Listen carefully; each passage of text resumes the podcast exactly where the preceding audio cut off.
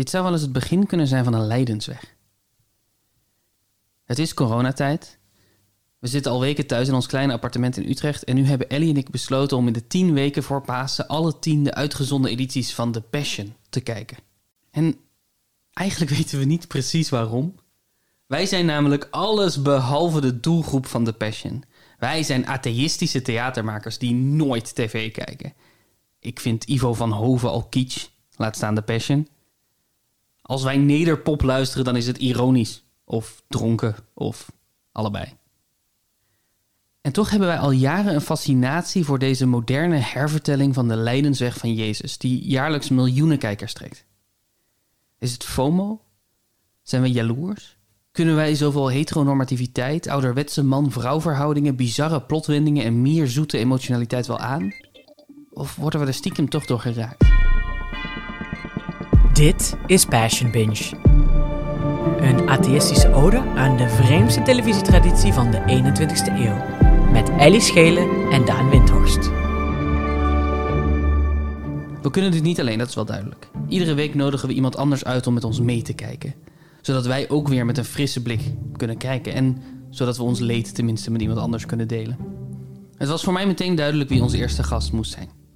Ivo van Aert is filmmaker. Hij regisseerde voor Spangas, maakte een prachtige dansfilm die Amuse heet. En ik werk al 15 jaar met hem samen. We hebben samen een film gemaakt die De Kuthoer heet. Het was met Ivo dat ik voor het eerst iets zag van The Passion. We maakten een jaaroverzicht voor de correspondent, een montage van al het non-nieuws uit 2013, een waanoverzicht noemden we het, vol met dingen die geen nieuws waren, maar die wel op het nieuws waren. En dus haalden we ook die jaargang van The Passion binnen. We hebben met open mond zitten kijken. Daar begon het allemaal. En dus kijken we met Ivo in de eerste aflevering van Passion Binge, de editie van 2011. The Passion in Gouda.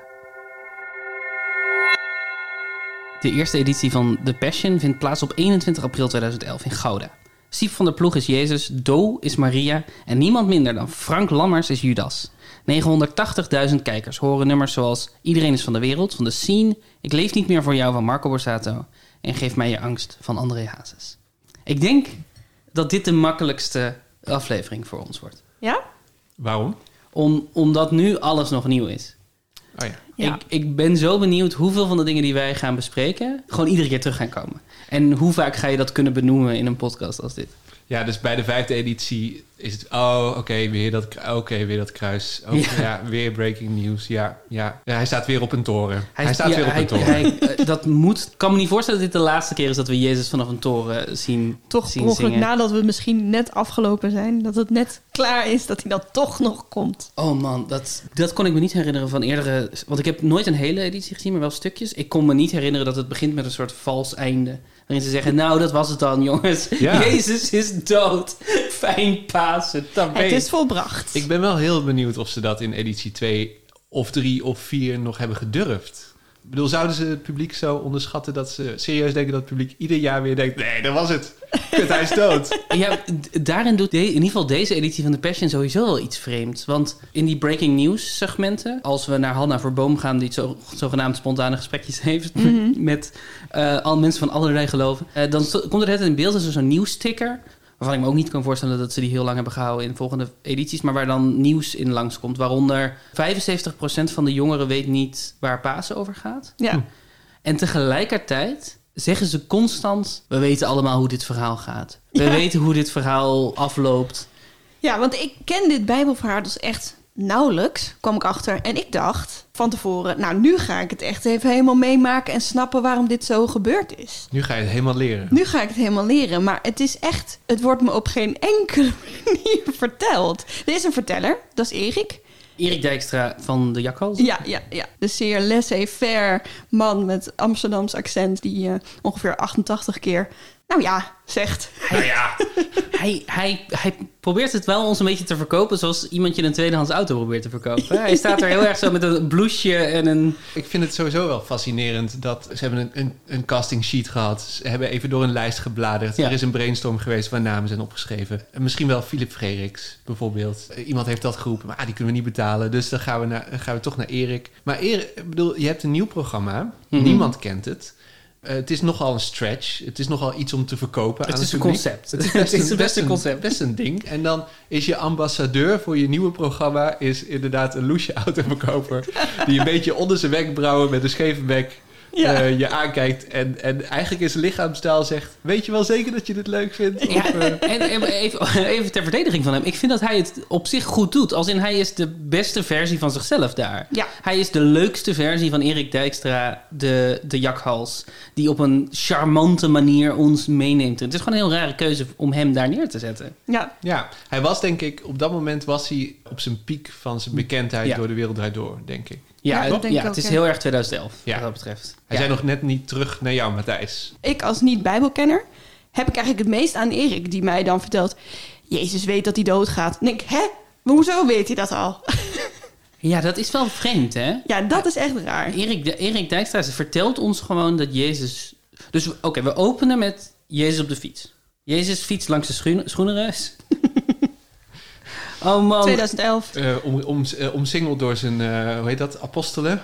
Ja. Ja, hoewel Apostels. hier zeggen ze consequent de vrienden van Jezus. De vrienden van Jezus. Om, omdat, ik bedoel, apostelen, discipelen is een moeilijk woord. Dat is Ja. lastig. Dus de vrienden van Jezus. Vrienden Jezus met zijn vrienden, nog zonder Judas.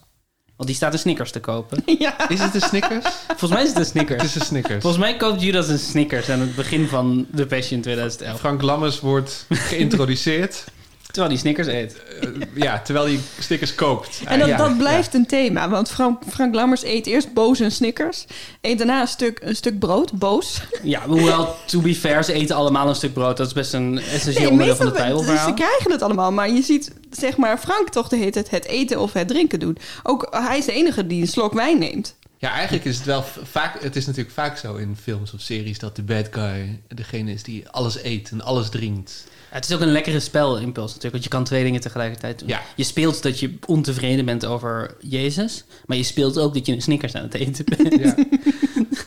Ik ben wel heel benieuwd. Dus stel het is 2011 en je weet dat de Passion op tv gaat komen. Dus je schakelt in. Je ziet een podium, je ziet Erik. Tot dan herken je er nog mensen op een plein. Dat bestond toen ook Het al. is basically het glazen huis. Het, Het is- of, of het is de intocht. Het is Ja. de intocht van Jezus. Het is de intocht van Jezus. Ja, maar, en, en mensen op een plein ken je al, want Tros Muziekfeest bestond Ja. toen denk ik al. Ja. zeker. Dus je denkt, oh, dit is een soort Tros Muziekfeest, maar dan religieus. Maar ik ben gewoon zo benieuwd wat mensen dachten toen het voor het eerst knipte naar zang op locatie, fietsende Jezus. Ja, want Jezus, Jezus ko- komt met de fiets, zet zijn fiets niet op slot. Nee, want het is Jezus. Ja, ik vond dat een mooi detail. Jezus zet zijn fiets niet op slot. Het is Gouda, hè? Gouda, er is geen criminaliteit in Gouda. Ehm, hij- hij- volgens mij werd Gouda nog echt apart benoemd als stad waar recent onrust is Ja, geweest. klopt. Het, is, het schijnt Gouda te zijn omdat de directeur van de EO uit Gouda komt. Oh. Ja, hij- en de directeur van de EO is ook een van de vrienden van Jezus in deze Oh, ja? Ja, Oh. die, die man met die bril met dat heel 2008 montuur, dus dat, dat dunne... Ja, ik zie hem voor me. eh, eh, dat, is, dat is de directeur van de EO. Oh, dus wauw. dat is heel, heel bescheiden. Ehm, wie denkt, mijn stad moet gepromoot worden? Ja. Ja, maar het heeft ook ge- gewonnen, toch? Voor stadspromotie. Ja. Move over eh, Glazen Huis. ja. De Ja. Passion is nu de stadspromotie-gig van, van Nederland. Jezus zet zijn fiets niet op slot. En eh, Frank Lammers eet een Snickers. En dan beginnen, beginnen ze voor het eerst met zingen. Ja. Dan, zien we, dan horen we iedereen is van de wereld, van de scene. Iedereen is van de wereld en de wereld is van iedereen. Mhm. En dat nummer werkt als een soort van introductie van Jezus en zijn wereldbeeld. Maar was dit, dan ben ik wel benieuwd wat jullie dachten, was dit ehm, live wat we zagen? Ik denk eerlijk gezegd dat niks live was, behalve Do als Maria. En Jezus op. En aan Spoilers. Jezus helemaal aan het eind. Ja. Jezus, als hij terugkomt. Ja. En, en Pontius Pilatus. Ja, sorry, je hebt gelijk. Ja, maar dus, dus, al- alles bij het podium Ja. was live. En ik denk inderdaad alle scènes die... Ja, dat is toch... Je staat op dat plein, je komt voor Siep van de ploeg. Nou ja, of je komt voor Jezus, neem ik aan. Ehm, Je komt voor Jezus. en je blijft voor Do als Maria. maar maar ehm, even voor, vooruitlopend op de, op de rest. Je staat toch zeker 40 minuten vooral naar een scherm te kijken... waar mensen op aan het zingen zijn. En een band die meespeelt, denk ik. Ja, Zonder- spelen ze zonder- mee, ja. Ik bedoel, dat is op zich best knap dat ze zo Het is technisch gedaan. waanzinnig. Want heeft Siep dan eerder ingezongen en speelt dan zon- zonder orkest of met orkest in zijn oor en speelt dan dat orkest dat nu na? Ik heb jij bent filmmaker. Jij bent Ja. filmmaker. Hoe zou jij dit aanpakken? Nou, wat ik denk dat ze hebben gedaan. Ja, alles, heel het evenement zit op een clicktrack. Dus eh, iedereen heeft oortjes in met exact hetzelfde ritme. Ik zou echt best wel veel geld ervoor over hebben om de instarts te mogen zien. Want ik denk dat je dan complete stilte hoort, behalve de stem van degene die zingt. Ja, ja. Eh, dus dat is Ja. de meest awkward musical ooit. Namelijk iemand in een relatief verlaten winkelstraat in Gouda voor de schoenenreus. Die iedereen is van de wereld en de wereld is van iedereen. Ja, zingt, maar dan zonder muzikale begeleiding. Ja, Waarschijnlijk heeft eh Siep dan wel zeg maar de muziek, de, de melodie en de clicktrack dan in zijn oor gehad. En die is toen opgenomen. En dat hebben ze teruggespeeld. En het orkest is natuurlijk wel live. En die, die werken ook op die clicktrack. ah ja. Dat ja. denk ik. En Ja. dat, dat wordt prachtig samengemixt. Of nou, prachtig samengemixt. In deze editie was de geluidsman ook bijna altijd te laat. Met iemand in... Nou, hij was drie keer te laat, denk ik. Ja, ja, Maar als arme je- geluidsman. Als je kijkt naar hoe technisch ingewikkeld dit is, vind ik dat ze het best wel goed Ja. hebben gedaan. Ja. Je hoort gewoon af en toe de, de paniek. Eh, dus dan is Erik is misschien net iets sneller met het aankondigen van iets. Ja. En dan is het, oh kut, do. Onder welke schuif zit do? Ja. Shit, do. Ja. Ja. Zoep. En dan ineens komt ze erin. Ja. En eh, dat stickertje met do, dat moet dan... Ja. Zoek het stickertje met do. waar is Do, waar is Do, waar is Do? Dat is absoluut hoe dat, hoe dat moet zijn gegaan. Maar je hebt wel gelijk dat dit best natuurlijk een vreemde... Het, het is, als we er nu naar kijken, nog steeds een waanzinnige vorm. Maar het moet toen een heel vreemde vorm zijn geweest voor mensen.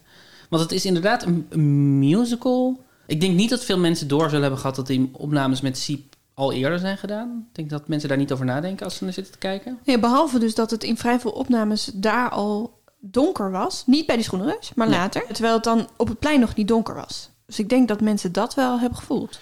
Ja, misschien Ja, wel, ja. Het is wel, ik, ik vind het wel, ik bedoel, je mag het ook wel verwachten van de programmamakers, maar ik vind het toch wel indrukwekkend dat ze hebben nagedacht over, oké, de show gaat duren van half negen 's avonds tot tien uur. Als we beginnen, dan is het zo licht. Ja. En als, het, als we eindigen, is het zo donker. Ja. En de instarts zullen vallen op deze tij- tijden. Dus laten we dan ook onze instarts opnemen. Ja, en dus, dus dan niet, we nemen niet de instart op op dezelfde tijd, een, drie weken eerder. We nemen de instart op op het moment dat het net zo licht is, Ja, als dat het over drie weken zal zijn om kwart voor negen. precies. Ja. Dat ging niet perfect, want er is een beetje verwarring. Ja. Hè, waarom is het nou iets donkerder? Maar ehm, ik vond het wel, eh, wel cool, eerlijk gezegd, dat ze daarover na hadden gedacht. Ja, Ja, en het, en het helpt dus, het helpt dat ze allemaal die suffe microfoons op hebben. Want het is dus, oké, het is een live eh, concert. En bij, bij een live concert heb je een enorme microfoon op je, op je mic. Met een, een, het is echt zo'n een zendmicrofoon, maar dan met een enorme bol erop. Zodat, er wind, zodat de wind het overleeft. oh ja. Maar voor die instart is dat niet nodig. voor die instarts kunnen ze gewoon... Volgens mij heb ik ook schaduwen gezien van een hengel. Misschien stonden die eh, gezichtsmicrofoons helemaal niet aan. Nou ja, precies. Maar, maar gewoon om een soort van continuïteit te creëren... eh, hebben ze ook in de heel intense scènes... hebben ze allemaal gewoon een gigantische microfoon op hun mic. Maar als je dus naar... Volgens mij zei jij dit net, Ellie. En als ik het weer vergeet... maar als je dus naar het plein komt... dan kom je dus voor basically een live optreden van Do... Ja, en Wilbert Gieske. Ja, Wilbert Gieske verantwoordelijk voor, mijn, voor denk ik, het, het misschien wel dieptepunt van de Passion, maar ook het hoogtepunt van deze editie van de Passion. ja, ik denk wel dat Wilbert wel een van de bekendere Nederlanders was. ja. Ja. dat was goed. Maar ik denk dat Do wel ook echt een grote naam was toen. Ik ken Do alleen van de Hunkemuller vrachtwagens. Was, stond zij daarop? Zat zij, bestuurde zij... ik, ik- in mijn herinnering was Do op een gegeven moment lingerie-model voor de Hunkemuller. En reden er regelmatig vrachtwagens door het land met Do erop. Ja, Do speelt de moeder van Siep. Ja, Ja, ja. Do, geboren In eh, 1981. 1981, eh, speelt de moeder van een man, een Friese man. Die is geboren in 1966. Ja, en ik snap ook, het is een waanzinnig postmoderne vertelling. Als in, op een gegeven moment houdt Pon- Pontus, Pontius, Pontus, Pontius, Pontius Pilatus denk ik. houdt de Bijbel omhoog. En zegt hij, we kennen allemaal, we weten allemaal hoe dit verhaal afloopt. Ja, ja. Terwijl, we- terwijl die ons dat verhaal, aan het- terwijl wij dat verhaal zien gebeuren. Ik zou het zo leuk vinden als er ooit een keer een Batman-film is waarin Batman Batman leest. Ja, ja, ja dat, basically is dat het. En, eh, en dat, dat soort shit doen ze de hele tijd. Het is, het is best een vreemd postmodern ding. Dat, dat is ook oké, dat, dat mag natuurlijk. En dan snap ik ook wel dat het niet zo belangrijk is dat degene die Maria speelt ook daadwerkelijk de moeder zou kunnen zijn. Ik bedoel, ze lijken niet op elkaar. Helemaal prima. Maar Maar het is wel de keuze voor de nummers die Do moet zingen. Maakt het een beetje ongemakkelijk dat een moeder dit soort dingen de hele tijd over haar zoon zingt. heb je een stukje van eh, zeg me dat het niet zo is? Ja, zeker. Zeg me dat het niet zo is van de Frank Boeien groep. Dan is het al donker. Ja, Nou, dan- een van de mooiste shots zit daar Ze, trouwens. staat ze op de trap Ze en naast bordes, haar op, ja. Het, ja, op de bordes van het, het kaashuis. Het was niet het, echt het kaashuis, maar het- en daar zit een, een accordeonspeler Ja, eh, naast haar in een bijna Frans beeld. ja. En het nummer is Zeg me dat het niet zo is van de Frank groep. Zeg me dat het niet waar is. Ga je mee vanavond naar ons lievelingsrestaurant? Oh, dat is een date. Tafel voor twee. Ik heb gebeld, ze weten ervan. Oké, dus dit is, dit is Maria die naar haar zoon zingt. Ga je mee vanavond naar ons lievelingsrestaurant? Ze weten ervan. Sowieso is ze weten ervan een fantastische zin. Ze Gewoon- weten ervan. Het is zo'n alledaagse zin in, in wat verder zo'n poëtisch nummer is. Maar ik heb een paar gedachten erover. Ten eerste voelt het als een heel alledaagse westerse manier om om te gaan met verdrietige dingen. Naar het restaurant gaan. Dus het voelt niet heel Jezus-y. Huh? Het voelt meer als een date dan als iets wat je met je moeder doet. Maar ook de hele idee van het nummer zegt me dat het niet zo is. Volgens mij, hou me ten goede, maar volgens mij is dat iemand is overleden. Ja. En dat je dan zingt, zeg maar dat het niet zo is. En dat je dan dus in de ontkenning zegt, ga je mee vanavond naar ons lievelingsrestaurant. Ja. Maar op het moment dat Ma- Maria dit zingt, leeft haar zoon nog. Ja. Wat dus betekent dat het niet een soort van fantasie is. Oh, ik ga met je uit eten, wat dan ook. Dit is gewoon. Dit had gekund. Als ze had gewild, had ze gewoon met Jezus kunnen gaan eten in hun lievelingsrestaurant. Ja. Ze weten ervan. Dat betekent dus dat die mensen in het restaurant ook gewoon de hele avond hebben zitten wachten. En dat Jezus maar niet opkwam daar. Hallo met het restaurant De Gouden Harp. We hebben hier een reservering staan op naam van Maria en Jezus. Komen jullie nog? Maria en Jezus, ja, we wisten ervan.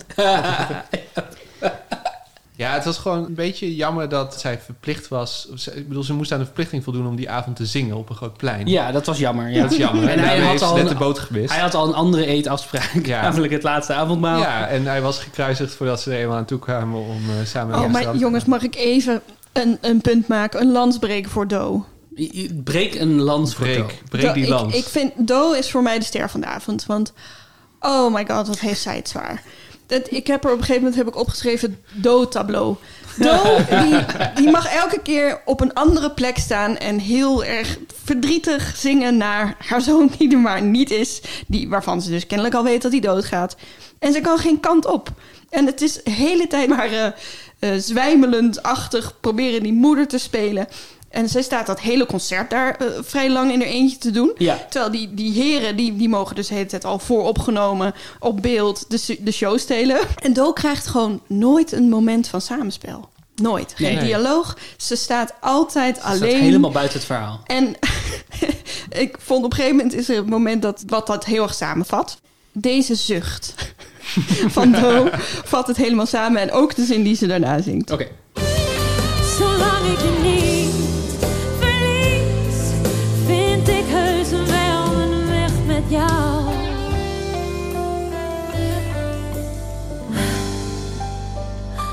Geef mij het gevoel dat ik er weer bij hoor voortaan.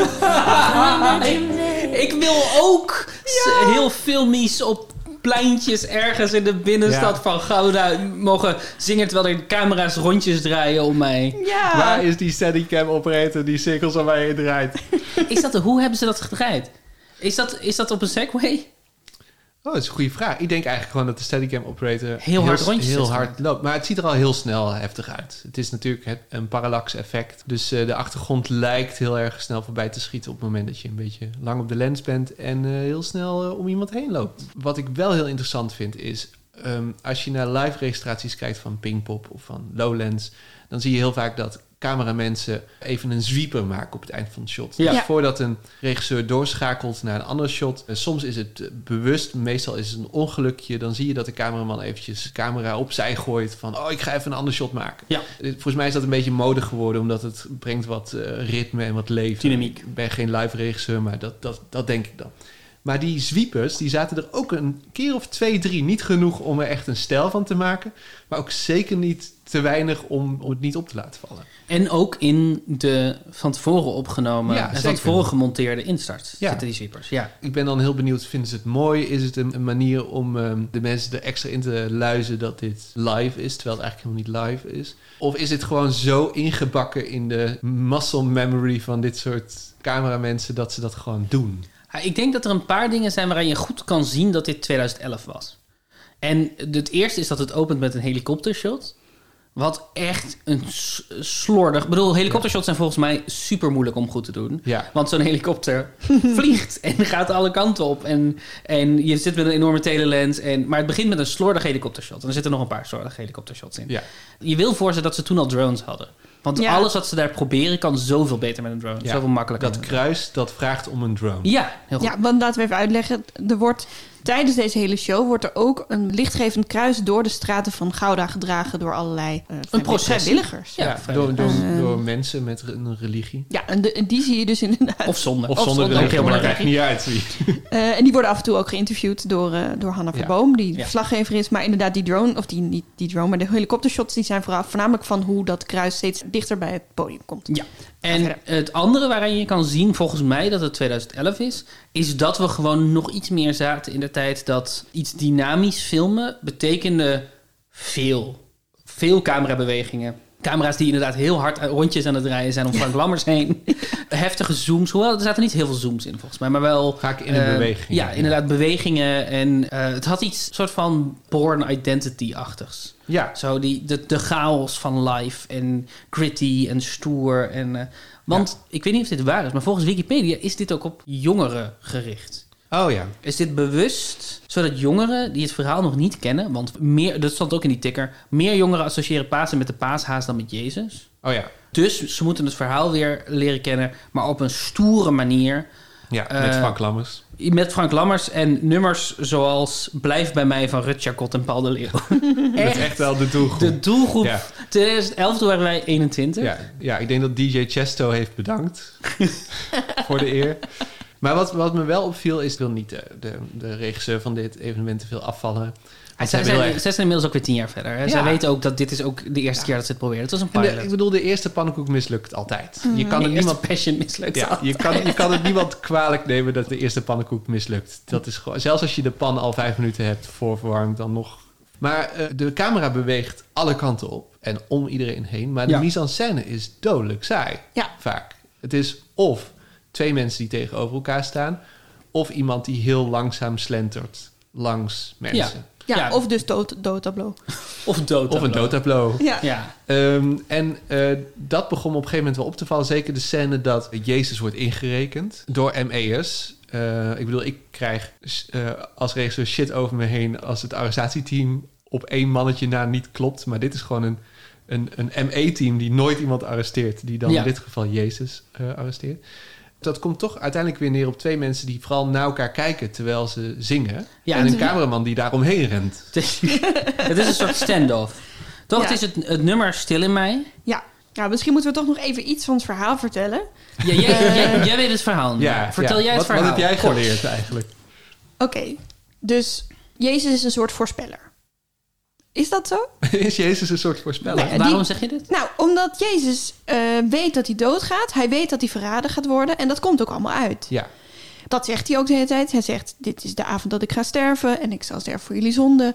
En ik word verraden. En dan, gaat hij, dan wil hij met zijn vrienden samen zijn. Die laatste avond gaat hij eerst met ze eten. En daarna gaat hij naar een tuin.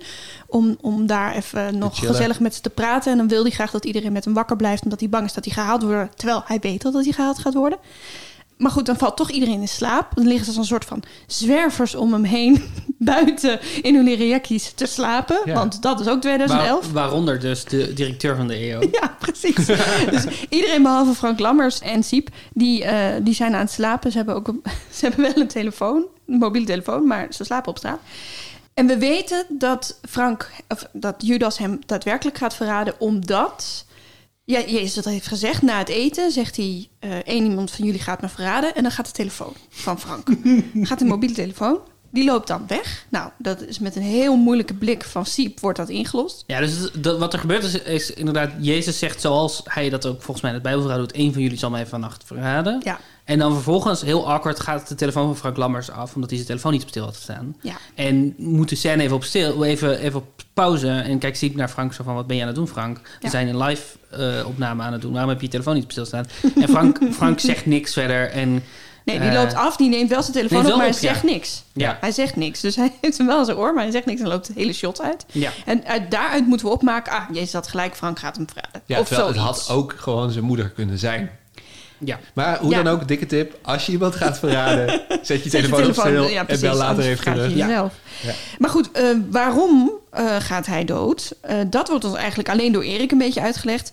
Namelijk, hij, er zijn mensen die zeggen dat Jezus zich de koning waant van het Jodenvolk. En dat, dat is eigenlijk een soort van hoogspraak. Ja. Dat, dat is de reden, toch? Want daar gaat het echt vrij weinig over. Klopt. Waarom Jezus dood moet en waarom hij dat weet. Hoe hij dat weet. Nou, dit is mijn enige conclusie is... hij is ook een soort Nostradamus. Hij kan in de toekomst kijken. En toch probeert hij nog dingen te doen... waardoor zijn lot anders zal zijn. Ja. Een beetje. Niet helemaal, want hij berust er ook heel erg in. Maar hij zegt ook, oh, jullie gaan me verraden. Ja, wat is dan verraden nog als je al weet dat het gaat gebeuren? ja, maar ja, ik bedoel, ook als je weet dat iemand iets gaat doen, dan is het nog steeds verraad, toch? Ja, maar hij weet al voordat Frank met het telefoontje wegloopt... Sorry, Judas... weet, hij Voordat al, Ferry met zijn telefoon wegloopt. weet hij al dat hij doodgaat? Ja, er, Ja. de- er zijn denk ik een paar essentiële onderdelen van het verhaal die niet echt verteld worden. Ja. En het eerste is inderdaad, hoe komt Jezus daarachter? Nou, de eerste is denk ik, wie is Jezus en waarom is, is Ja. hij belangrijk... De, Wat de drijft eerste hem? 34 jaar van zijn leven. Ja, ja Of 37. Hoe oud is 32, hij? volgens mij is hij 32? 33 geworden uiteindelijk. Club van 33, 33. ja. Ja. Oké, dus we openen met Jezus die zijn fiets niet op slot zet. We zien dat hij vrienden heeft. Ja. Eén en daarvan... weet- hij weet dan al toch dat hij doodgaat. Ja, maar dat wordt daar nog niet verteld. Dus ik weet niet of hij daar al Want iedereen is daar nog best wel vrolijk. Eh, ja, dat, volgens mij is dat gewoon Het is gewoon exposé. expositie. Het is een man en zijn vrienden. Dan vervolgens leren we zijn moeder kennen, waarvan niemand vertelt dat het zijn moeder is. Jawel, Erik. Ja, vertelt Erik dat? Ja, ja. Ja, en het enige wat ze moet doen is rouwen ver voordat het gebeurd is. Ja. Al, zij is al bij voorbaat aan het rouwen. En dan, na die twee nummers, als we denk ik op tien minuten, kwartiertje zitten, dan zegt Erik, Jezus weet al dat hij doodgaat en dit is het laatste avondmaal. Ja. En daar wordt zoveel... Wie, wie is deze Jezus? Waarom is hij belangrijk? Is hij, is hij de zoon van God of niet? Ik Ja. snap dat dat misschien controversieel is. Dat ze niet wilden zeggen hij is de zoon van God. Omdat dit verhaal voor, mensen, voor moslims en voor eh, joden... dat dit ook een belangrijk verhaal is in hun geloof... maar dat hij niet de profeet is en niet de zoon van God. Mhm. Maar dat is toch wel onderdeel van waarom al die mensen hem zo belangrijk vonden Ja. daar. Of als je dat niet wil vertellen... en je wil gewoon vertellen... hij was heel goed met dat hij van één vis zes vissen maakte. En ja, en tegen mensen zeggen... hé hey jongens, hou je even aan de regels. Ja, doe, doe even doe lief voor elkaar. En, tegen eh, Keer je andere wand toe. Ja. Precies. Eh, zit er allemaal niet in. Nee. We weten niet waarom die bijzonder is. Nee. We weten niet hoe die erachter komt dat hij doodgaat. Nee, ik weet ook Nee. niet hoe hij daar dan op reageert. Dat lijkt me een interessante scène, toch? Om te zien dat Jezus Ja. erachter komt dat hij dood zal gaan. Ja, maar ik, dat is gewoon een feit opeens. ja ik, weet, ik weet dus vrij weinig over het Bijbelverhaal, want ik ben niet... eh, Ja, wij alle drie. En dat, Ja. dat, dat is een probleem voor deze podcast. Maar ja, wij, zijn alle drie niet, wij zijn alle drie niet christen, denk Nee, ik. Klopt nee. dat? Ja, Klopt. Ik ben nooit gedoopt, ik ben atheïst. Humanist misschien wel. Mooi. Ja. En eh, ik kan me ook niet herinneren dat er, dat er ergens in de Bijbel een moment zit dat er echt een crisis, echt existentiële crisis is bij Jezus, dat hij dood zal gaan. En, maar dat zit hier wel in. Zit dat hierin? Vind je niet dat... Het, oh, de- ik vroeg me af waarom je dit zei. Want ik had het idee dat het nummer Ga in mijn schoenen staan...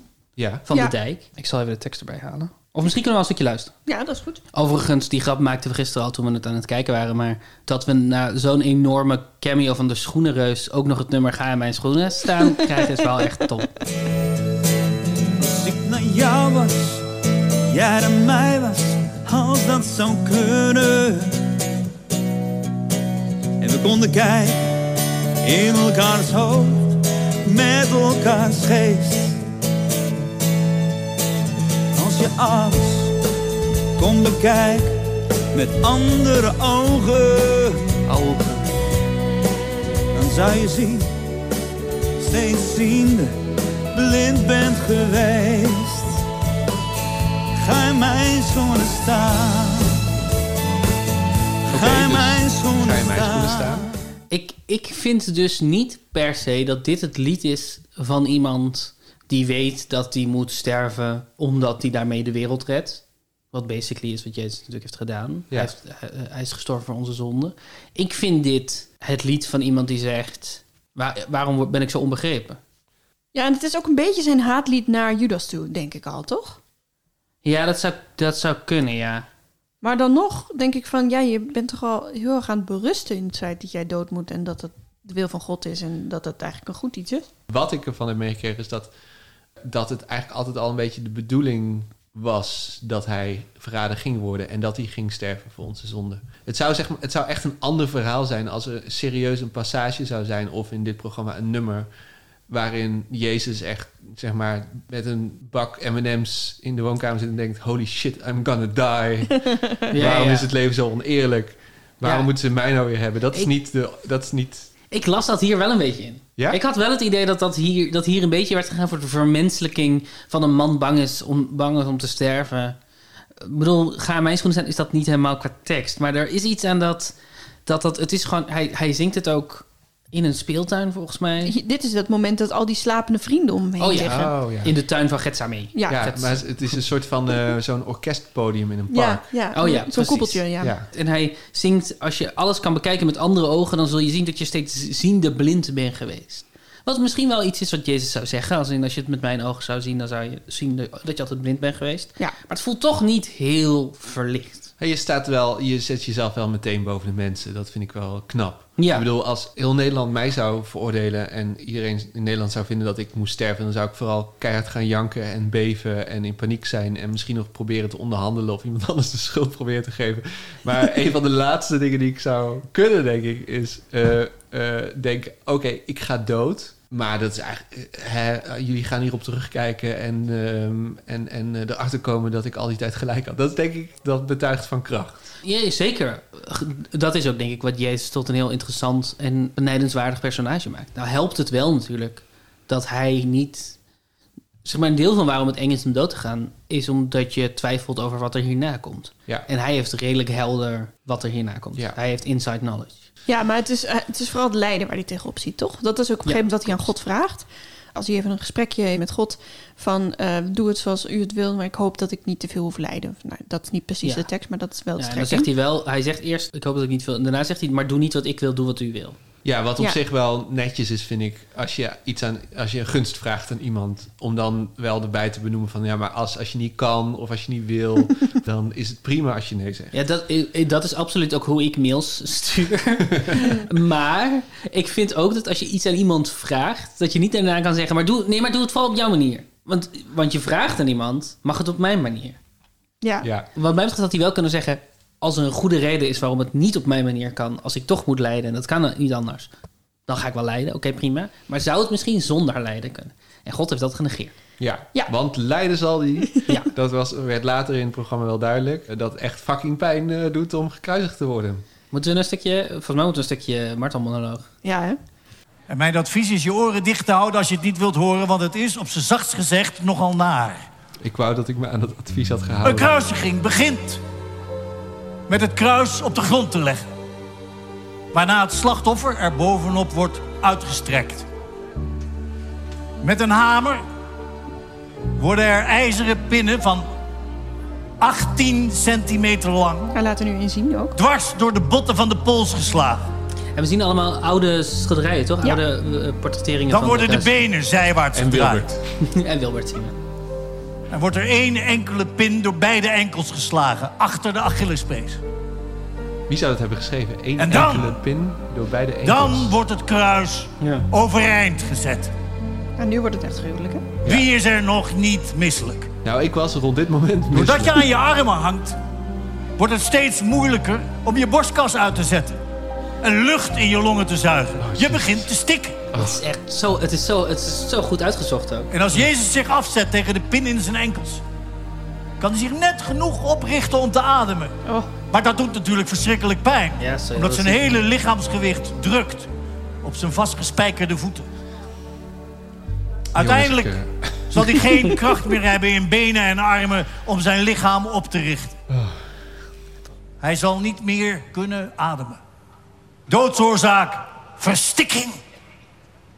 Verstikking. Oh, dus niet die pinnen door zijn lichaam. Nee, nee, nee, nee, nee, het is verstikking. Ja. Dat is een mooi detail. Ja, Ja, dit is echt goed, toch? Dit is gewoon echt goed. dit is Ja. echt... eh, Hij vertelt dit ook goed. Ik moet ook zeggen dat dit denk ik het enige moment was dat ik echt iets voelde tijdens de hele Passion. Het was echt goed gedaan. Ja, ik vond dit denk ik ook het beste moment Ja. van de hele En Passion. da- daarmee heeft Wilbert dus het beste en het slechtste Ja. moment van de hele Passion. Ja, Ja. want het slechtste moment is dat hij er Als net hij- een beetje naast zit als hij moet hij al zijn zingen. kleren uit... Net. Oh, dat hij net... Hij is, eh, hij is duidelijk niet gecast op het feit dat hij op, op zijn zangkwaliteit. En ze laten hem dan toch een Frank Boeien nummer zingen. Ja. En dat is ook gemeen. Ja, ik vond dat hij nog best aardig kon zingen. Als in, hij was niet onzuiver. hij kon niet timen. Ja, precies. Hij was vooral, zijn ritme was gewoon niet goed. Denk niet wit, denk niet wit, denk niet zwart, denk niet zwart, denk niet zwart-wit.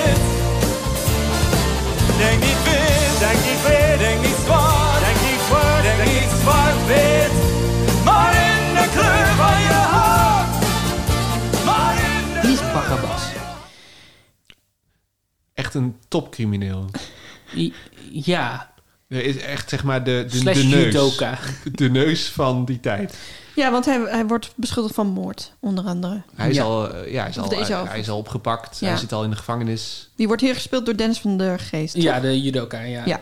Waarvan Oh. niet helemaal duidelijk is waarom hij... Gewoon Dennis van de Geest. Had hij niet een plak gehaald eh, dat jaar of zo? Ja, dat zal wel, Of ja. het jaar daarvoor? Even voor de niet-Bijbelkenners. Er is dus een moment dat... dat eh, Wij zijn er niet Nee, bijbelkenners. maar we, we beginnen wel over Barabbas. Uh, Bijbelsplaining. Dit is dus eh, voor, voor de executie, of hoe noem je dat? Voor de kruisiging, is er een moment dat de koning vraagt... wie moet ik kruisigen van deze twee misdadigers? Is dat Jezus die eigenlijk niks heeft gedaan?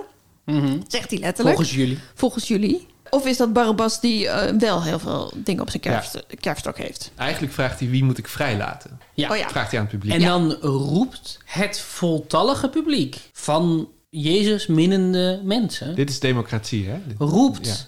Barabbas vrij. Ja, Ja. Ze, ze roepen Barabbas als Oh, antwoord Barabbas, op wie ja. moet ik vrijlaten. Ja, ze roepen Barabbas inderdaad. En eh, ik keek daarna en ik dacht, hoe kunnen ze nou in, in hemelsnaam allemaal hetzelfde denken?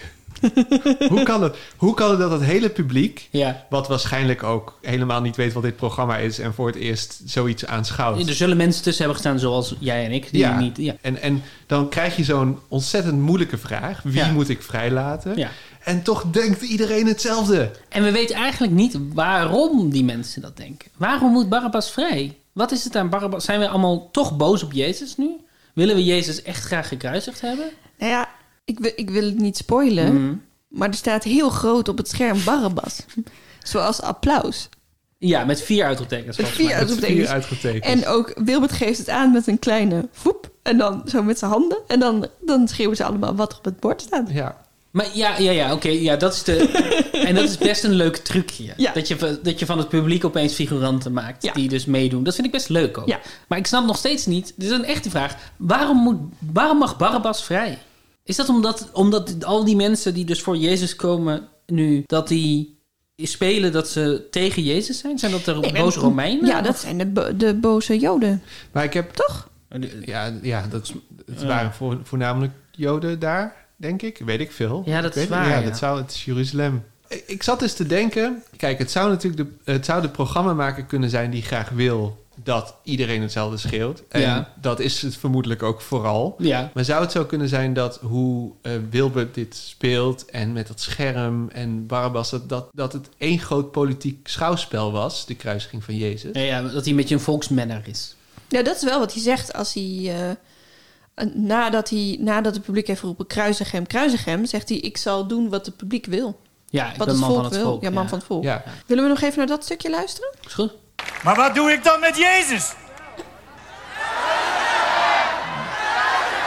Maar hij heeft niets verkeerds gedaan.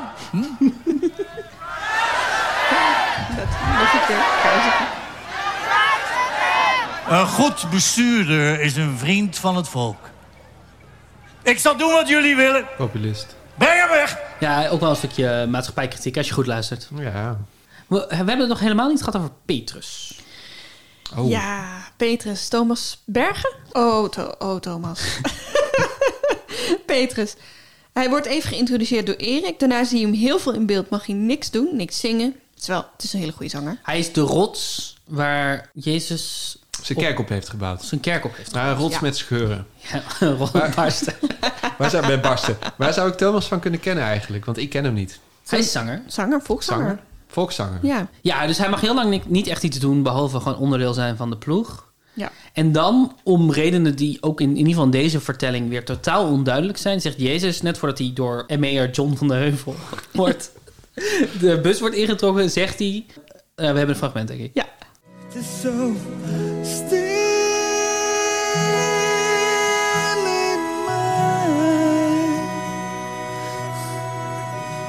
Heer, misschien zullen alle anderen u in de steek laten, maar ik laat u nooit in de steek.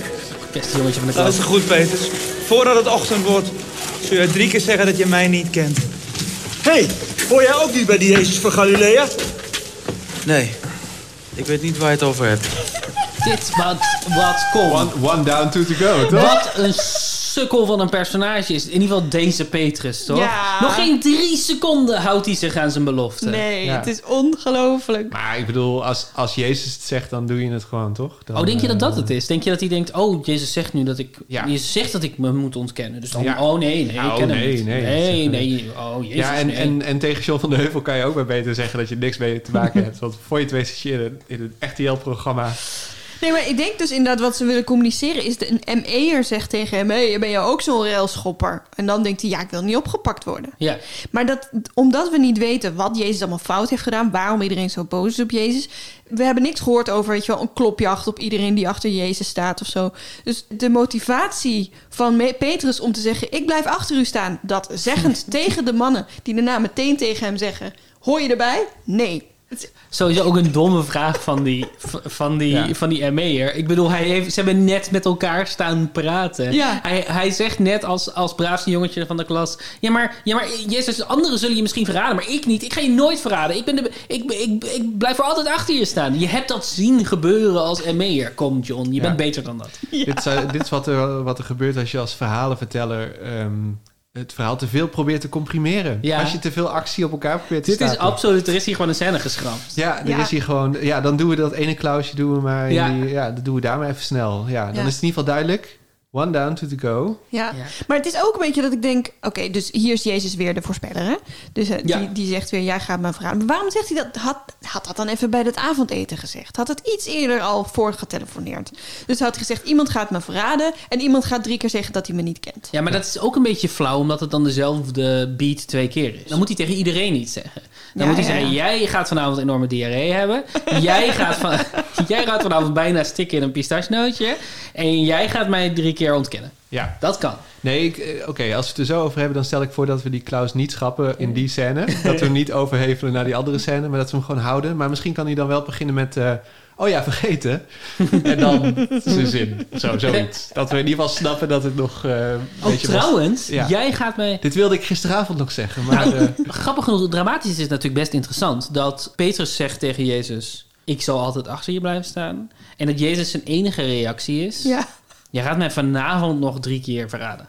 Of ontkennen. passief-agressief eigenlijk. Ja, dat is, maar dat is best spannend. Maar doordat er niet echt ruimte is voor hen om dat, om dat drama echt aan te gaan... omdat ze ook in een speeltuintje in Gouda staan... en ze allemaal maar één zin hebben om dit er zo doorheen te jassen... komen ze daar ook niet. Nee. Dus het is alleen maar... Het zijn eigenlijk zinnen die er alleen maar in zitten... voor de mensen die het verhaal al kennen. En dat is heel vreemd voor iets wat, wat, wat expliciet is bedoeld... om mensen het verhaal te vertellen die het nog niet kennen. Maar het was toch veel interessanter geweest als bijvoorbeeld... Petrus er achteraan is gerend en zegt... Heer, ik zal altijd nu blijven geloven. En dan zegt die ME'er... Oh, moet ik jou ook meenemen? En dat Petrus dan zegt... Nee, Nee, nee, nee, nee, nee, nee, nee, nee. Nee, nee, nee, nee, nee. Nou, Zelfs Petrus is wel echt hypocriet, toch? Ja, maar dat is hij nu Ja, maar ook dat is hij nu ook. Maar dan, alleen omdat dat is toch een veel zegt. interessantere scène. Want dan kunnen we meteen de teleurstelling op Jezus' gezicht zien. En dan, nee, maar nu moet alles heet het wordt gezegd. Jezus zegt, dit ga je doen. En dan wordt het gedaan. De, alle drama wordt eruit gehaald eigenlijk. Ja, en- dat is natuurlijk een... Ik heb ooit meegeschreven aan een superhelden musical. En toen merkten we ook dat als je een personage hebt... We hadden een personage dat in de toekomst kon kijken. Mhm. Als je een personage hebt dat al weet wat er gaat gebeuren... Is, dat is heel moeilijk om dramatisch te krijgen. Want hij weet, en zeker in het geval van Jezus... Want alles moet gebeuren zoals het gebeurt... Omdat hij daarmee de mensheid redt. Het is een soort, je komt in een soort raar keuzevrijheid... zelfbeschikking eh, hoek terecht... waar je niet helemaal uitkomt.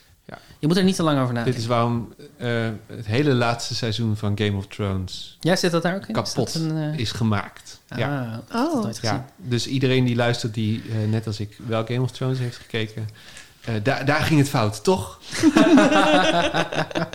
Heel even nog terug naar dit, mom- dit oppakmoment. Want dit is ook fantastisch. Frank heeft dus al, of Judas heeft dus al een, een heel ME-busje opgetrommeld. En Erik heeft al gezegd, Judas gaat hem verraden met een kus. Ja. Dus ik was heel benieuwd. Denk, oh, hoe gaat dat dan met die kus en waarom een kus? En, en wat er gewoon gebeurt is, Frank loopt op Jezus af, zegt meester. En dan geeft hij Jezus een kus. Ja. En dan zegt Jezus, zo vriend. Ja, hij zegt inderdaad zo, vriend.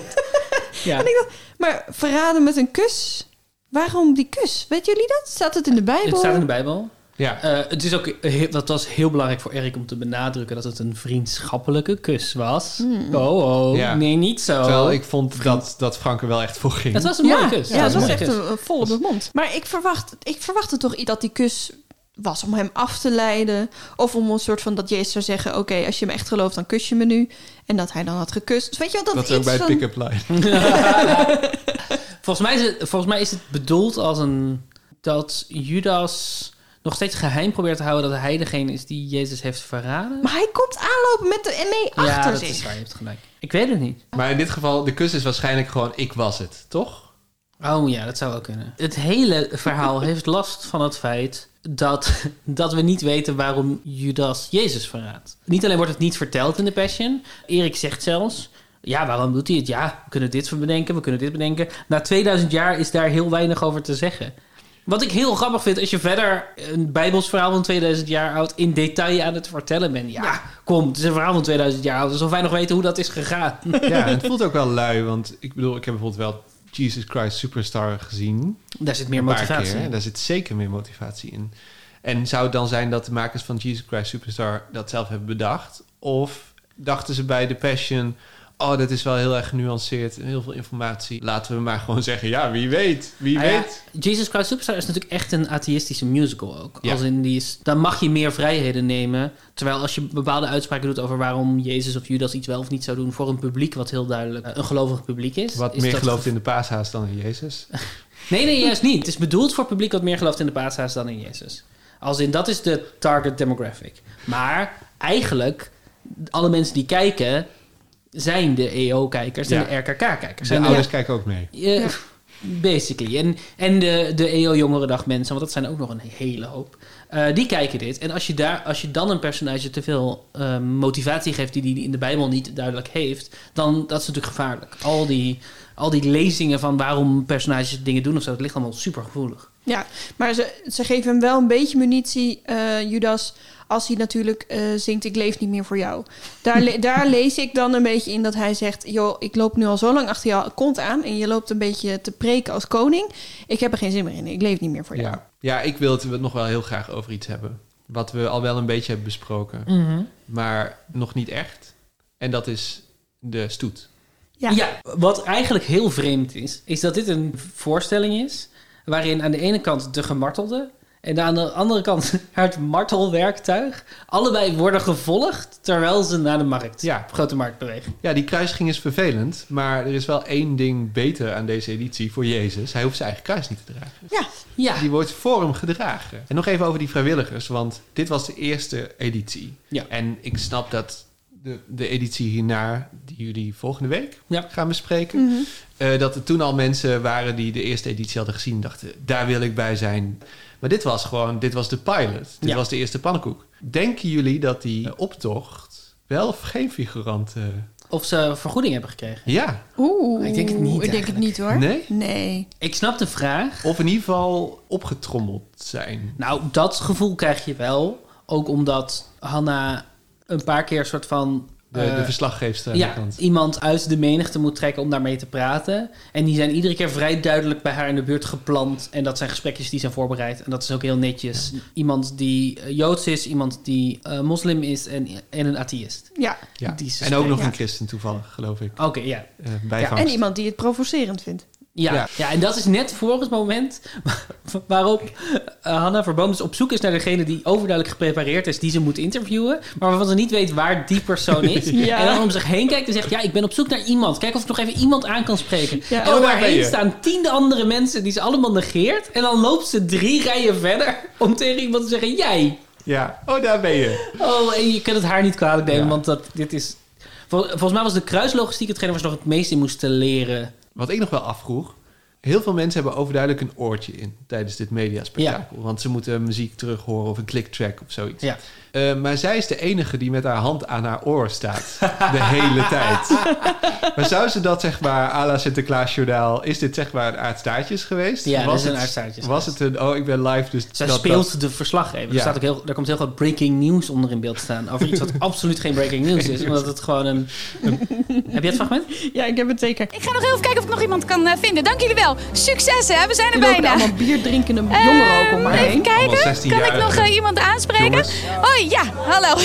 je wordt zelfs naar me toegeduwd. Hoi. Hey, eh, waarom heb Je eigenlijk zelfs mee? naar me toe Nou, ik ben geduwd. zelf eh, half Spaans, half Turks. Ik ben, eh, mijn moeder is katholiek en mijn vader is moslim. Maar zelf heb ik dus eigenlijk helemaal niks meegekregen. En ik dacht, nou, het lijkt me leuk om een keer eh, mee, ja, mee te lopen. Ook vanwege de saamhorigheid en al die mensen. Dus je gelooft eigenlijk niet en toch Nee. ben je erbij. En hoe voelt het? Ja, goed, ik vind het gezellig. Wat vind je van Jezus? Arme Anna, maar ze doet het echt wel goed, hè? Ze doet het hartstikke goed. Ze doet het het is gewoon een goed. ondankbare, ingewikkelde taak. denk Ja. ik. Hoe, hoe was deze kijkervaring nou in zijn totaliteit? Ik vond het heel schattig. Maar dat komt omdat ik kende de Passion van het vierde of vijfde jaargang. Ja. En spoilers, eh, misschien voor de volgende aflevering, maar het wordt nog veel groter en megalomaner en, eh, en vetter eigenlijk. Maar dit is gewoon een, een festivalpodium Ja. Op een plein met een orkestje erin en Erik en Do.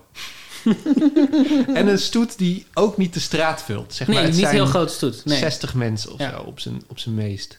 Ja. En nog steeds, bedoel, ze hebben wel een helikopter en cranes en steadycams en Frank Lammers.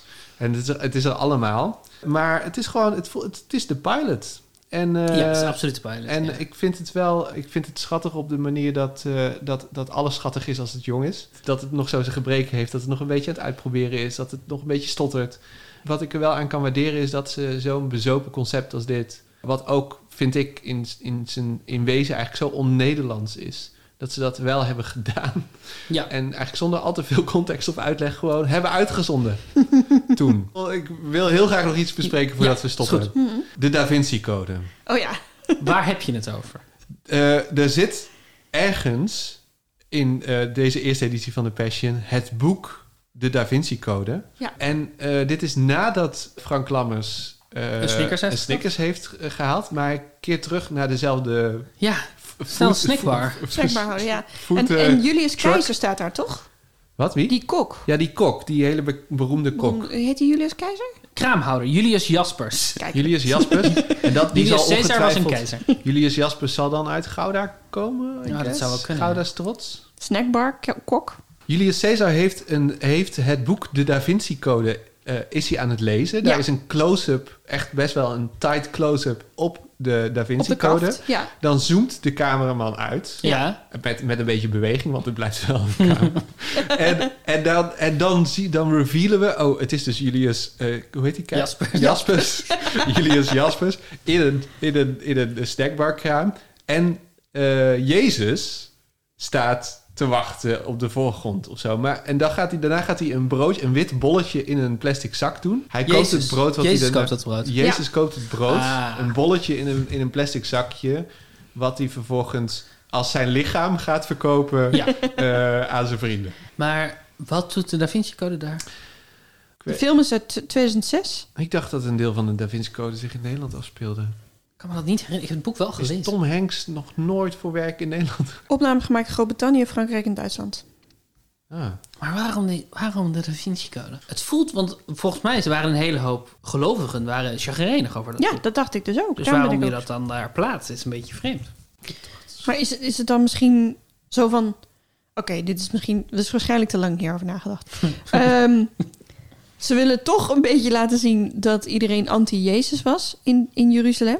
Of veel mensen. Eh, waaronder dus de snackbarhouder die dus de Da Vinci Code leest wat anti-Jezus is. Snap je wat ik bedoel? Ik snap wat je bedoelt. ik vind het geen slechte verklaring, maar ik zou het wel een slecht idee van ze Ja. vinden als dat is wat ze, Ja. waar ze voor gingen. Ja. Maar ook vijf jaar nadat de film is uitgekomen. Het is echt een raar iets. Ellie, dit was voor jou de eerste keer dat je er iets van zag? Ja. Wat langer dan twee minuten was of zo? Ja. En? Ik onderschrijf wel wat Ivo zegt. Het is moedig en dat, dat juich ik altijd toe. Maar ik vond ook wel een beetje een anticlimax. Omdat ik dus had gehoopt dat ik het verhaal nu beter zou begrijpen. En ik heb eigenlijk alleen maar meer vraagtekens. Ja. naar deze. Dus ik ben heel benieuwd hoe ze dat in de volgende edities doen. Ik, ik wil wel iets meer kri- meekrijgen van waarom Jezus zo wordt gehaat. Want hij is nu gewoon vanaf moment één slachtoffer. En dat wordt vooral bijgezet door, door Maria, die de hele tijd ook in het slachtofferrol over het slachtoffer zingt. Ja. Dus het is gewoon, tijd, oh wat erg, oh wat erg. oh wat erg, oh, oh, het gaat zo meteen gebeuren, wat erg, wat erg, wat erg. En ik wil iets meer meekrijgen van die andere kant. Waarom moet hij dood? Ja. En inderdaad, voor de eerste keer vind ik het best wel heel goed gedaan. En ik vind eigenlijk ook dat ze, eh, los van Wilbert, echt best wel heel goed zingen. Maar de, de anticlimax van dat kruis dan naar het podium toe tillen... en het dan vervolgens niet op het podium, niet omhoog. dat het gewoon naast het Ja, podium neergelegd. leg maar hier neer, alsjeblieft. Dat, je, dat ik ook nog heel even gedacht, is het, gaat het fout? Want het, zeg maar, op het moment dat het kruis in beeld komt op het plein zelf... een beetje zoals bij het Glazen Huis... duurt het dus nog eh, een dikke vijf minuten. En moet Cor Bakker en zijn hele team moeten blijven spelen... en elke keer in de modulatie. En op een gegeven moment denk je, dit zijn octaven zijn gewoon op. En het gaat maar hoger en ze gaan maar dichter bij het podium. Dus we wachten heel erg op iets. Maar wat is dat iets dan? Het kruis wordt neergelegd. Ja, het voelt heel logisch, toch? Ja, dat dat als- kruis inderdaad op een gegeven moment misschien zelfs letterlijk achter hem omhoog komt. En op een gegeven moment, ik bedoel, je kan ook ha- haken aanmaken en dan met een kraan omhoog hijsen gedurende een nummer of zo. Het is de sky is the limit. En dan hebben ze het eindnummer. Dus we denken, hè, oh, het is afgelopen. En dat wordt ook een beetje ingeleid met een soort van geluidjes... alsof de techniek hapert. Dus wij dachten, oh jee, de techniek hapert, maar dat was bedoeld. We trapten erin. Eh, we trapten er heel even in.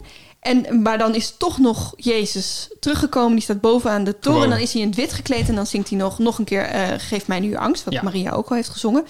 Maar dat nummer gaat echt het meest mis van de hele show. Alles gaat fout. Alles gaat fout. Als de rest Ja. moet invallen, dan merk je heel duidelijk dat, er, dat Cor dat zit vol te spelen. En dan moet Do het weer oplossen, want die heeft als enige microfoon. En die moet weer diezelfde zin zingen. Eh geeft mij het gevoel dat ik er weer bij hoor vandaag, maar staat dan nog helemaal op zacht. Ja, Ja, de, de echt- doosschuif stond weer De uit. doodschuif stond uit en er stond, en volgens mij stond Petrus of misschien wel de directeur van de EO, dat weet ik niet. Geloof maar ik. stond open, waardoor, waardoor je hem ook, terwijl ze nog offstage zijn, hoor je hem tegen iemand zeggen: Ga jij niet mee?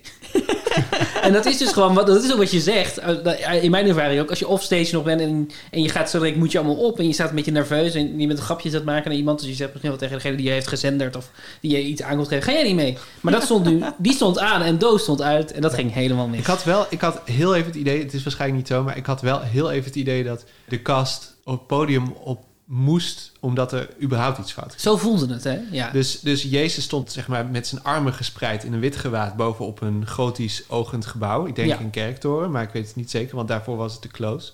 En er was een rookmachine, die had dus jij daar klaargezet. En, eh, en zes parretjes die een soort van hemelslicht eh, eh, door die rook heen schenen. Het zag er prachtig uit. Maar ik kreeg het idee dat Siep, eh, dat er misschien iets mis was met de, met de zender van Siep... of met de ontvanger van Siep, waar hij de muziek op hoorde. Maar er was iets waardoor hij niet helemaal lekker zong. Ah, Oké.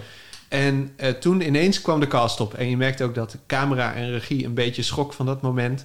En dat Do- Doos eh, handmicrofoon stond uit. Ja. Dus ik heb het idee dat iemand dacht... ze moeten gewoon Er op. zat gewoon iemand in hun Ja. oor die riep op. Jullie moeten op, op, opkomen, Ja, opkomen, op, opkomen, nu. opkomen. Ja, Ja. Do, zingen, zingen. Ja, je hoort erbij, je hoort er weer bij. Je kent, Jo, je dit, hoort er weer bij. je, je kent dit, je kan dit ook twee keer doen. Ja, ja. Wat ik nu pas besef, is dat die terugkeer eigenlijk ook heel weinig ruimte krijgt. Terwijl dat het legendarische aspect is van het verhaal. ja. Ja, Dat een man gemarteld is, een goede man gemarteld is, dat is helaas heel vaak gebeurd in de geschiedenis. Dat hij daarna weer terugkomt, is best uitzonderlijk. Maar dat krijgt eigenlijk heel weinig aandacht. Als je het kijkt en je weet, niet van het, je weet meer van de paashuis dan van het Jezusverhaal... dan kan je ook gewoon denken dat hij vanuit de hemel aan naar ons aan het zingen is. Want Ja. hij is in het wit gekleed en er is allemaal hemelslicht. Dat is niet per se een terugkeer. Dat Nee. is gewoon een, een lied uit de hemel. Of het kan, eh, je kan het zien als een soort van gewoon een beetje een losse vertelling. Hè? Het is gewoon een toegift. Het is gewoon een toegift. Ja, het is gewoon een toegifte. Ja, het is, klaar. toch zo'n postmodern verhaal. Als Pontius Pilatus de Bijbel uit zijn zak kan halen... dan kan Jezus ook nog wel van na de dood Ja. nog even iets Ja, en dan doen we de toegift Ja. van een mooie kerk door... eh, Wat is jouw grote gedachte over het geheel zo aan het einde? Daan. Oh man, ehm, ik was verbaasd door hoe goed ik het vind werken als show. Dus Ja. hoe leuk ik het vond om er naar te kijken. Gewoon, nou, het het leuk om anderhalf uur te kijken naar liedjes en een stukje Gouda te zien. En, eh, dat, ik vond dat echt heel tof. en ik, stukje Gouda zien. Een stukje Gouda zien. Ik vond het ook muzikaal eh, leuk. Ik vond eigenlijk dat... Want die, die live band die speelt eigenlijk zo'n beetje de hele anderhalf uur lang... spelen ze live on- onder dingen door. Dat is Ja. heel tof. Het is ook leuk om die muzikant bezig te zien. Dus als show vind ik het best wel goed werken. En ik vond het ook muzikaal best wel tof. Hoe slecht het verhaal verteld wordt hier... vond ik echt wel schrikbarend. Gewoon omdat, omdat dat volgens mij is waarom je dit organiseert.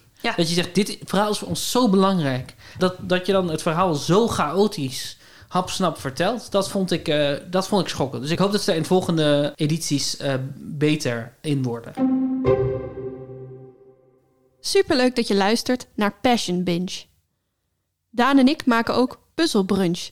Een podcast waarin we elkaar opvrolijken met puzzels, quizjes en raadsels. En ben je benieuwd geworden naar Ivo's werk?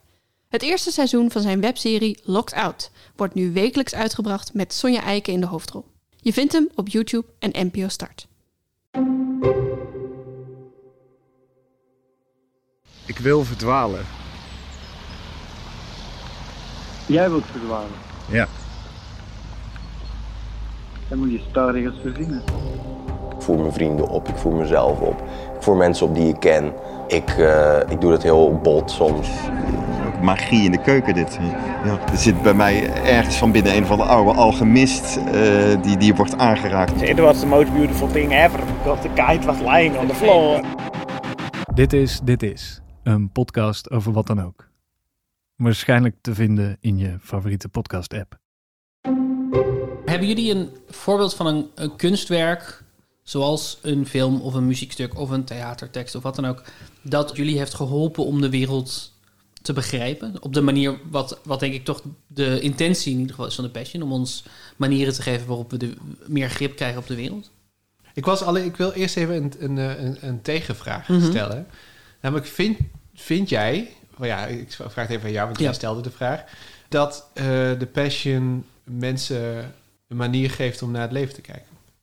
Nou, want ik heb de vraag natuurlijk bedacht voordat we de, passion, de eerste Passion gingen kijken. En mijn aanname was eigenlijk een beetje dat, dat de Passion op een flitsende manier deed wat de Bijbel voor veel mensen doet. Namelijk een handvat geven van kijk, dit is hoe de wereld in elkaar zit. Dit is waarom, eh, dit is waarom de wereld zo in elkaar zit. Dit is hoe we ons moeten, ons moeten gedragen in deze wereld.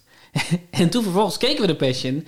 En eigenlijk zegt dat hele ding super weinig. Omdat alles wat veelzeggend is of kan zijn aan het verhaal van Jezus. Dus deels is het bijvoorbeeld de terugkeer. Kan een waardevol dat je iets zegt. Oh, deze man was zo bijzonder, hij kwam terug.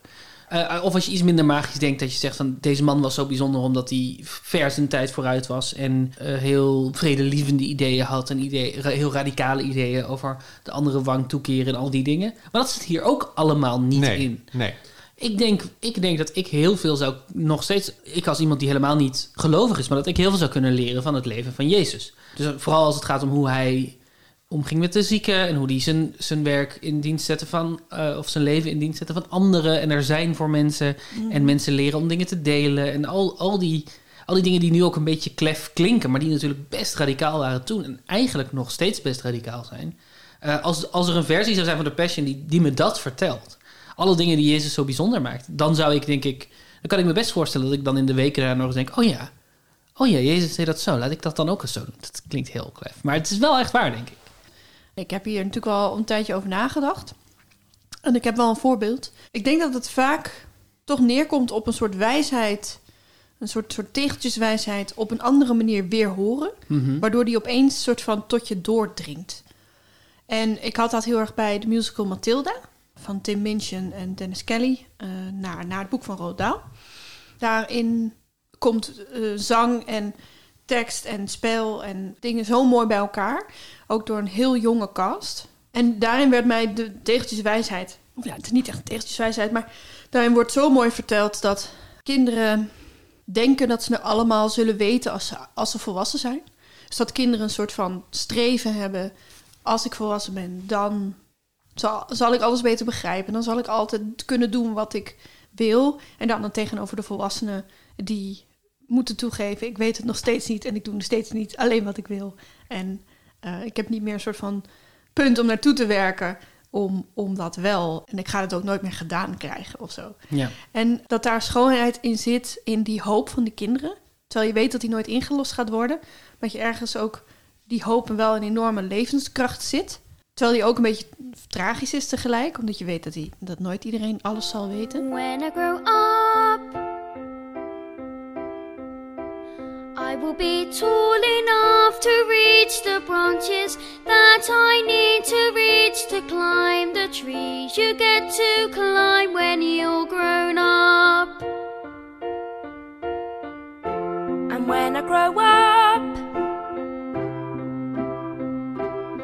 I will be smart enough to answer all the questions that you need to know the answers to before you're grown up.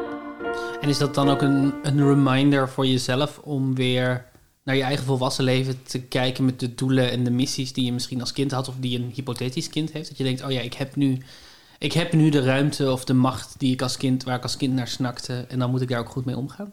Nou ja, vooral eigenlijk dus is het de realisering... De, je zal altijd verlangen blijven hebben, ehm, ook als ze zijn ingewilligd. Of hoe je het? Ook als je hebt bereikt wat je hebt wil, willen bereiken... zal er altijd iets nieuws zijn waar je weer opnieuw naar streeft. En het is dus onzin om te denken dat als het niet lukt, dat streven... dat het dan ook mislukt is of zo. Want het is een soort Ja. wisselwerking tussen... zeg maar, leven is ook streven.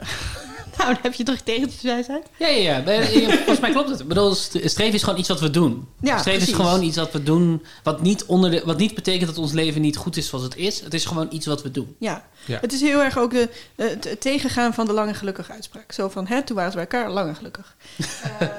Ja, er is niet zoiets als een eh, gelukkig eindstation. Nee. Om het, dat klinkt misschien wel, weer wat negatief als ik het zo zeg. Maar dat is wel wat je moet leren waarderen. Ja. ja. En het gaat om de reis en niet om, om het eindpunt. En al dat soort dingen. Ja. Eh, soms kan een, een werk, en dat had Mathilda dus heel erg voor mij... dat opeens je op een soort ander niveau eh, met je communiceren. En eh, waardoor je inderdaad in je dagelijks leven weer iets minder hoeft vast te hangen aan... als ik dit heb, dan zal ik gelukkig zijn. Of weet je wel, of wat is mijn eindpunt of zo. En denk je dat het een belangrijk onderdeel hiervan is dat dit ook gezongen is? Dat hier muziek, een, eh, het is een musical, dus muziek speelt best een grote rol. Ja, ik denk het dus wel. En ik kan niet zo goed uitleggen waarom. Maar door herhaling, door melodielijnen, door dingen die terugkomen, ga je dat gewoon meer voelen. Ik denk dat als het alleen een toneelstuk was geweest, dat het op een ander niveau was binnengekomen. Ja, dat, dat, was, de, dat was de eerste waar ik aan, aan dacht. Ja, dat snap ik. Heb jij een, eh, had jij een antwoord paraat? Nou, ik had hier een antwoord voor, maar ik- om dat nog even extra te rekken, Mm. dacht ik van, eh, want eigenlijk vond ik wat Ellie zei wel, vond, vond ik gewoon een goed antwoord. Ja. En dat eh, deed, deed me een beetje denken aan eh, de nieuwe Pixar die net is uitgekomen, Mm. Soul. Die eindigt met een quote die, of nou niet letterlijk eindigt met een quote, maar echt tegen het einde woord zegt een belangrijk personage iets tegen de hoofdpersonage. Een grote les waar eigenlijk die hele film naartoe werkt. En dat zou best kitscherig kunnen zijn geweest, maar op een of andere manier vind ik dat ze dat toch best wel smaakvol hebben gedaan en goed hebben getimed. En, en daardoor kwam die wel binnen bij mij. En dat gaat ook over dat je altijd het gevoel hebt dat je er nog niet bent, Mhm. maar dat dat eigenlijk het leven is. En dat je daar maar beter van kan genieten. I heard this story about a fish. He swims up to this older fish and says, I'm trying to find this thing they call the ocean. The ocean, says the older fish. That's what you're in right now. This, says the young fish, this is water. What I want is the ocean. En dat is wel, ik denk dat eh, als films of series of toneelstukken of boeken eh, ons dat kunnen meegeven, dan dat is misschien wel een van de, van de waardevollere adviezen of lessen die kunst kan meegeven, denk ik. Omdat ik denk dat veel onrust en veel conflict eh, te maken heeft met het gevoel dat je iets nog niet hebt of eh, iets wil bereiken. En, en los, los van deze, deze specifieke boodschap, maar ben jij als maker ben je ook zo bezig met, met het maken van je films dat je denkt: oh, ik wil zo'nzelfde emotie of zo'nzelfde eh, wijsheid of zo bij, bij mijn kijkers overbrengen? Ik ben me er in ieder geval van bewust dat je als maker de, eh, de enorme macht hebt om dat expres per ongeluk te doen. Ja, ja. En ik, eh, voor mij eh, trekt dat ook meteen een lijn in het zand tussen films die ik, die ik gewoon waar ik stellig over ben dat ik ze slecht vind en waar ik stellig over ben dat ik ze goed vind. Zelfs Mhm. als er dan, zelfs als die goede film dan nog in een aantal opzichten slecht is, Mhm. Dan is het in principe een goede film op het moment dat het goed omgaat met zijn boodschap en met zijn wereldbeeld en met wat het wil overbrengen aan het publiek. En dat hoeft niet altijd een moreel puur ding te zijn. Het hoeft niet altijd, het hoeft niet mijn ethiek te zijn. Als het maar helder heeft wat het wil vertellen en als het daar maar geen schade mee doet. Dat zijn een beetje de twee bottom line dingen. En, en- maar ik vind het altijd verrassend hoeveel films die twee dingen niet in de gaten Ja. houden. Ja. En heb je een voorbeeld, zonder dat we per se een, een film moeten gaan dissen, hoor, maar heb je een voorbeeld van een, van een film die dat soort schade doet? Ja, nou ja, ik, ik- ja be- het bekendste voorbeeld waar wij ook veel over hebben gepraat, eh, een bekendste voorbeeld van de laatste paar jaar is denk ik The Joker. Eh, ik ben die film gaan kijken met het idee, nou, mensen klagen erover, maar misschien is iedereen ook wel een beetje te gevoelig erover. over. En ik bedoel, ik neem, ik neem de gevoelens van mensen over het algemeen heel serieus, maar ik vind het ook soms belangrijk om te denken, misschien zijn mensen te gevoelig voor iets. Ja. Dus dat is meer een proces van dat intern is eh, checken bij mezelf. Van oké, nou, weet je, laten we de- naar deze film gaan. Laten we eens kijken of, of het zo is. Of dat mensen er misschien wel te geprikkeld op reageren om een of andere reden.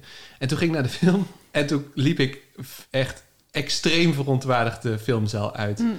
Eh, omdat die film precies fout doet wat ik vind dat een film fout kan doen. En dat is niet weten wat het zegt en intussen iets zeggen eh, wat schadelijk kan zijn. Want wat vertelt de Joker wat jou betreft?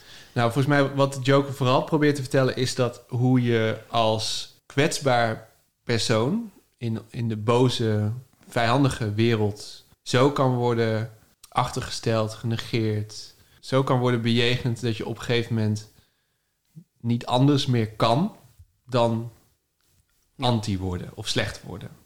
En uh, ik heb wel met best wel veel mensen discussie gehad over de Joker. En waar, waar, waar vaak de verdediging zit, is... Ja, maar kijk, het is inderdaad zo dat heel veel mensen in onze maatschappij worden achtergesteld. En heel veel Mhm. mensen worden eh, oneerlijk behandeld. En dat is waar. Alleen in de film, in, de- in de film is de wereld een karikatuur. Dus dat gaat al fout, wat mij betreft.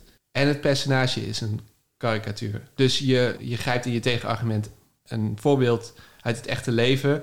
Maar dat strookt helemaal niet met hoe de film het verhaal en het personage vertelt. Ik, wat ik heel opvallend vond aan die film, zonder dat dit opeens een Joker-podcast wordt, maar ehm, is dat je ziet het personage daar nooit een keuze maken. Dus het is nooit zo dat de, dat de Joker een verkeerde keuze maakt, of een radicale keuze, of een keuze waarvan je denkt, oei, dat moet je niet doen. Maar, maar van bijna iedere stap, of misschien wel van iedere stap die hij zet, wordt bijna verteld dat het onvermijdelijk is dat hij daar komt. Hij is het ultieme slachtoffer. Hij is het ultieme slachtoffer. En de wereld wordt ook zo grotesk neergezet... dat het ook bijna niet anders kan dan dat, het, dan dat hij daar eindigt waar hij eindigt. Dus het is eigenlijk een beetje Jezus, behalve dat de Joker er heel rare dingen van gaat doen. Maar Jezus overkomt ook maar de hit het alles. Nou, het heeft wel dat, dat gevoel zit wel een beetje in Joker, ja. Dus, dus hij wordt de hele tijd door, iedereen die die tegenkomt in elkaar geslagen. Om eigenlijk onduidelijke redenen. En, en ja, als de wereld zo vreed is, dan moet je wel... Maar in plaats van dan te lijden voor andermans zonde... is het in het geval van de Joker... wordt het een maniak die mens mag doden... en eh, andere vette, vette shit mag doen. Eh, ze, ze, wil, ze wilden een, een comic book character invullen, psychologisch... En dat hebben ze volgens mij veel te veel gedaan vanuit de manier waarop zij dachten dat je de wereld kan portretteren. In een code die realisme ademt. Mhm. Maar als je dat gaat doen, dan moet je ook echt naar de wereld kijken. En niet eh, alleen maar jouw visie van de wereld tonen. Hm. Dat is wat ik vind. Dat is de verantwoordelijkheid die je hebt als maker. Ja. Zo. En zijn er, zijn er dingen die je doet, eh, heel concrete dingen die je doet om ervoor te zorgen dat je je aan die verantwoordelijkheid houdt? In een, in een ontwikkelproces, of als je met een schrijver werkt? Twee dingen. Allereerst is research heel belangrijk. Mhm. Eh, ook als regisseur. En dat zijn dan dingen zoals... Zou, zou de ME zich zo gedragen eh, als ze iemand arresteren? Of, Ja, eh, ja. dus je, je zoekt uit hoe het in het echt is. En tuurlijk, het is niet... Ik wil niet zeggen dat je altijd... dat, dat de wereld altijd naturel hoeft te zijn... of eh, waarheidsgetrouw... of precies zoals de echte wereld is. Maar het gaat me om de essentie van, van hoe mensen met elkaar praten... de essentie van hoe de wereld in elkaar zit. En dat kan ook in een heel fantasievolle setting. Voor mijn gevoel is een Tim Burton project... eh, kan eh, eh, minstens zo menselijk zijn als een Paul Greengrass project. Waar de ene fantasie is en de andere een soort hypernaturalisme. Maar het gaat me om de, dat je research hebt gedaan in de essentie van hoe, hoe de wereld werkt en hoe mensen met elkaar omgaan. Dus dat is denk ik heel belangrijk. En ik denk dat je met heel veel keuzes dat altijd in je achterhoofd, de, de ideale versie daarvan binnen jouw project in je achterhoofd moet houden bij alle keuzes die je maakt. En dat is heel moeilijk. Ik verlies dat ook regelmatig uit het zicht als ik in, in de heat of the moment aan het regisseren ben. Dan wil ik ook wel eens een keer een keuze maken die vet is. Die ik vet vind als Ivo van Aert. In de edit kom ik er vaak achter dat dat de minst sterke keuze was. Of een Heb, je- minder heb je daar een keuze. voorbeeld van? Nou, ik weet niet of ik echt een moment kan beschrijven. Maar wat, wat wel het effect is van iets kiezen wat vet is... eh, boven iets waar je echt gedegen research naar hebt gedaan... is dat je een filmpje gaat spelen. Hmm. En dat je dus iets gaat doen... Je, je vindt het alleen maar vet omdat je het... Waarschijnlijk omdat je het al een keer eerder ergens anders hebt gezien. Anders weet je namelijk niet of het vet gaat zijn. Ja. Of dan moet je wel... Ik bedoel, in theorie kan het wel... Maar dan moet je wel zo'n fantasie hebben. Meestal, stiekem, heb je het al een keer gezien. Hm. En eh, ga je het dan een, in je eigen project doen. Want dan is je eigen project echt. Hm. En ik denk dat dat is gevaarlijk. Want daar ga je dus iets wat oorspronkelijk zou kunnen zijn... ga je besmetten met een popcultuur eigenlijk. Of Hm. met iets wat je al kent. Met het kopiëren van iets. En ik, dus, dus dat maakt het dan onoprecht. Dat maakt het een vorm. Eh, En daar maak ik me ook regelmatig schuldig aan trouwens. La- Laat dat even duidelijk zijn. Dus ik, dus ik kies heel graag voor, voor als, als ik weet dat de politie in films dit doet. En, eh, en ik vind de scène nog een beetje... hmm, dan eh, ga, ik, ga ik natuurlijk zo'n zo'n politieding uit films eh, influisteren bij de acteurs. En dan, ja verdomme, dan werkt het ook. dus dan ga dan nog maar eens een keer voor je oorspronkelijke geresearchede idee. Ja. Want die is saaier. Dus dan gaat het, het gaat ook wel... Het gaat, het gaat over oprechtheid, dit ook. Het gaat over opre- ja, absoluut gaat het over oprechtheid en over oorspronkelijkheid. Hm. Ehm, dus dat het geen kopie is. En het tweede, eh, maar daar kan ik kort over zeggen, is eh, eh, regelmatig nadenken hoe andere mensen dan jij hiernaar gaan kijken. Dat is een skill waar ik in eerste instantie ook een beetje sceptisch tegenover stond. Want ik ben denk ik, zoals veel mensen, ook ooit alleen maar egoïstisch geweest. Eh, wat zo'n goede... Dat is een uitspraak? Nou, ik bedoel, het duurt een paar jaar in je leven voordat je erachter komt dat die mensen om je heen ook mensen zijn met hun eigen gedachten. Mhm. Dus we, we worden eigenlijk allemaal in, bepaalde, in bepaald opzicht egoïstisch eh, geboren. Niet echt een keuze of zo, dat is gewoon hoe het werkt. En, en, ik, en ik merk wel dat ik tot diep in mijn eh, twintig en misschien nog steeds wel nog daar trekjes van heb. Het is heel moeilijk om jezelf in te leven in anderen. Maar het is wel een van je belangrijkste taken als verhalenverteller. En het is niet alleen belangrijk om je in te leven in anderen als je vertelt over anderen. Maar het is ook heel belangrijk om het te doen als je het aan het uitvoeren bent en nadenkt over wie het gaat zien of Ja. horen. Ja. Is er een kunstwerk dat dat, dat he- jou heeft geleerd? Eh, ja, er zijn, nou ja, er zijn in ieder geval films die dat, vind ik, heel mooi vertellen. Ja, het is eigenlijk, eigenlijk vooral natuurlijk een coming of, coming of age verhaal. En het is ook wel vaak het verhaal waarin het personage onbewust de levens van mensen om zich heen verandert. Maar zelf eigenlijk nog het belangrijkste te ontdekken heeft. Hmm. Dus moet- wat? Amélie. Amélie bijvoorbeeld. Toen je het vroeg, moest ik meteen denken aan The Curious Case of Benjamin Button. Dat is de film met Brad Pitt die als opa geboren wordt en dan sterft als kleuter. Ja, en die sterft als baby. Ja. Ik had niet gedacht dat je die zou noemen. Nee, ik had ook niet verwacht dat die in mijn hoofd zou oppoppen. maar dat is, dat is zeg maar niet eens een coming-of-age verhaal. Dat is een coming-of... Ja, Life, ja. dat is gewoon een, een life story. Ja. Het is, het is, ik bedoel, de, de- de Curious Case of Benjamin Button is hetzelfde als heet Forrest Gump. met, ja, Forrest Gump. Hoe heet die film met Tom Hanks, wilde ik zeggen.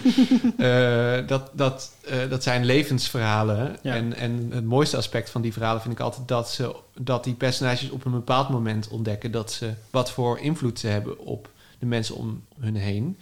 En dat die mensen dus ook allemaal mensen zijn met een eigen, die, die eigenlijk allemaal hetzelfde doormaken. Ook allemaal het leven aan het leven zijn. Dat kan je niet zeggen over elke film. Dat elke film of elk verhaal dat thema aanraakt. Maar ik vind het wel een mooi ding. Ja. Nou ja, en je, en je zou misschien op een... Dat is iets meer meta hoor. Maar je zou misschien kunnen zeggen dat iedere goede film het doet... in zoverre dat hij ervoor zorgt dat ik ga geven om een personage wat ik niet ben.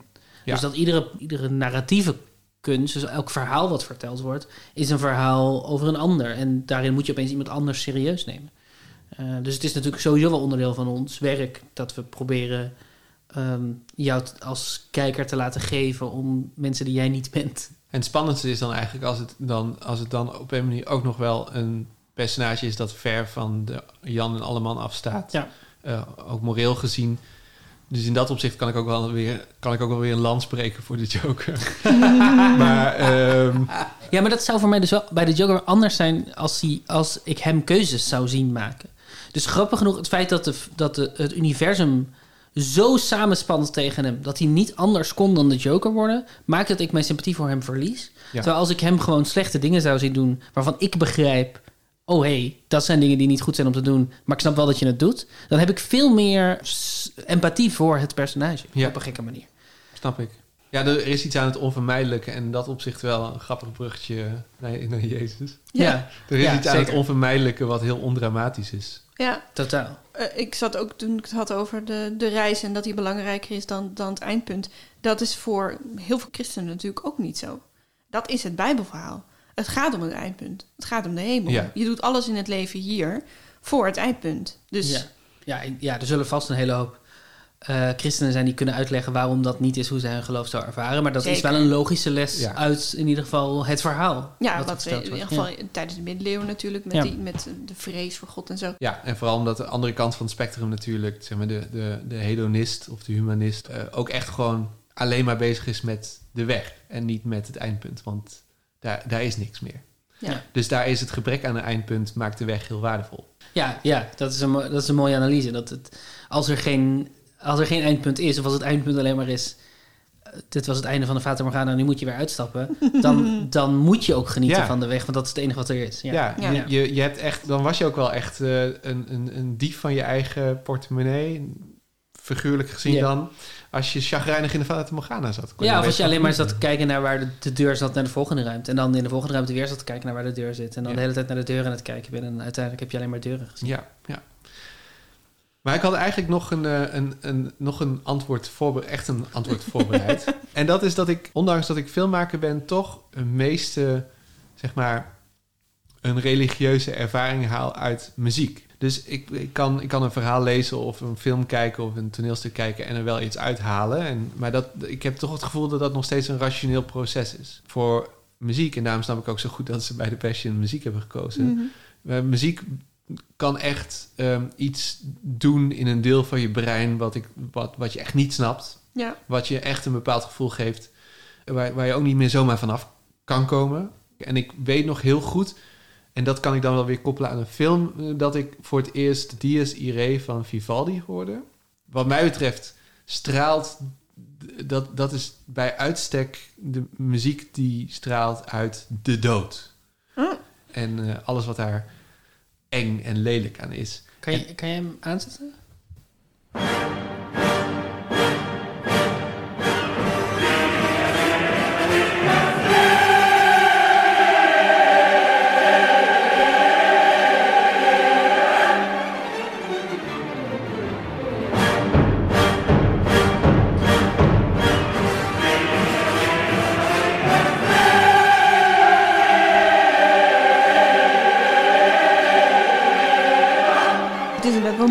Hier naar te luisteren en hier niets bij te voelen, denk ik. Ik krijg meteen kippenvel. Ja, ik ook. Ja, ik Ja. kan hier ook niet. Het lukt mij niet om hier ironisch naar te luisteren. Nee, dat, dat snap ik wel. En wat, en wat is het dan wat je voelt?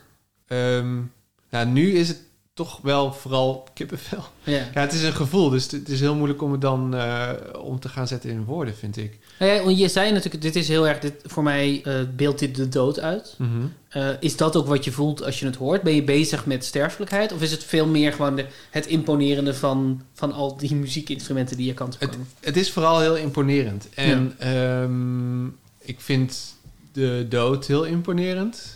Eh, wat, eh, dat ik zeg maar wel, staat bovenaan de lijst. Mhm. En ehm, net zoals dat ik een klein beetje een fobie heb voor kerkorgels. Mhm. ehm, en ook een klein beetje een fobie heb voor heel grote bewegende constructies. ik weet nog wel dat ik op de Wereldexpo was in, ergens in Duitsland met het gezin. Weet ik veel, in 1998 of zo. Ja, dus het gezin zijn dan je ouders. Ja, ja, precies. Ja, voor duidelijkheid. En dat ik toen in een paviljoen stond van een land. En dat toen zo dat, dat het hele dak open ging. Als een soort van. Als een soort bloem. Enorm grote panelen gingen allemaal gecoördineerd open. En, en ik was echt zowel onder de indruk als gewoon doodsbang. Ja. En dat is eigenlijk dit nummer. ik hoorde dit nummer voor het eerst ooit onder de trailer van eh, de Japanse film Battle Royale. Dat is een film die gaat over Japanse scholieren die op een eiland worden gedropt en elkaar eh, moeten doden totdat er één de winnaar is. Ja, Fort- Fortnite ervan. ja, een concept wat inmiddels onder de pubers eh, van de wereld heel bekend is. Maar voor mij op dat moment eh, volledig nieuw, schokkend. En ik wist ook nog niet zoveel over Japan of over Japanse cinema. Maar als, als je dan dus voor het eerst geïntroduceerd wordt... Als, je, als dit concept voor het eerst wordt geïntroduceerd in, je- in, in, Mhm. in het puber brein van Ivo van Aert... en dan ook nog met deze muziek... Ja. Nou, ik weet nog wel dat ik die trailer heb ik denk ik 50 keer opnieuw gekeken. En daarna heb ik het nummer opgezocht en nog 50 keer geluisterd. Omdat ik gewoon niet kon bevatten dat dit gemaakt was. Als het, het wow, dit is gaaf overstijgt. Of oh, wat vet gemaakt. Of ik wil het Ja. vervolg zien. Als dat het overstijgt, dan wordt het een soort religieuze ervaring. Oh ja. Ja, ik- dat, dat herken ik ook heel erg van. Ik heb dat een paar keer met theater gehad en dat was dan altijd musical. Dus het was altijd muziektheater. Maar als het dus de, inderdaad de samenkomst van alle disciplines daar zo overweldigend is dat je geen. Het gaat inderdaad, het gaat over. Het gaat over dat iets te groot is om te bevatten. Of te, Ja. te goed. Of te, dat dit inderdaad, dat jij zegt dat, dat je niet kan bevatten dat dit er is. Dat dit bestaat op deze manier. Dat, dat gevoel herken ik heel erg.